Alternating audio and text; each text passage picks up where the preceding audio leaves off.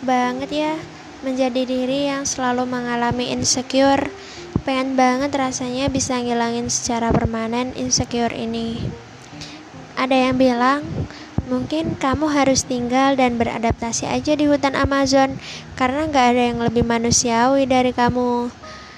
Walaupun lelucon, aku membenarkan juga sih kata-katanya.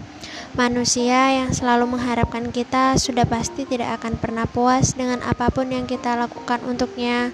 Sudahlah, ini hanya buang-buang waktu saja. Berbuat baik sangat dianjurkan memang, tetapi tidak akan menjadi baik jika kita tidak akan merasa tidak merasa ikhlas kan? Karena berbuat baik pada seseorang yang selalu tidak puas dengan usaha kita.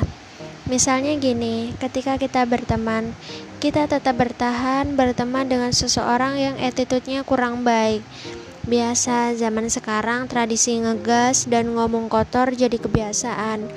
Aku berteman dengan seseorang itu karena dia tidak ada teman. Tetapi lama kelamaan dia sering membandingkan kehebatannya denganku yang tentu membuatku mendadak insecure.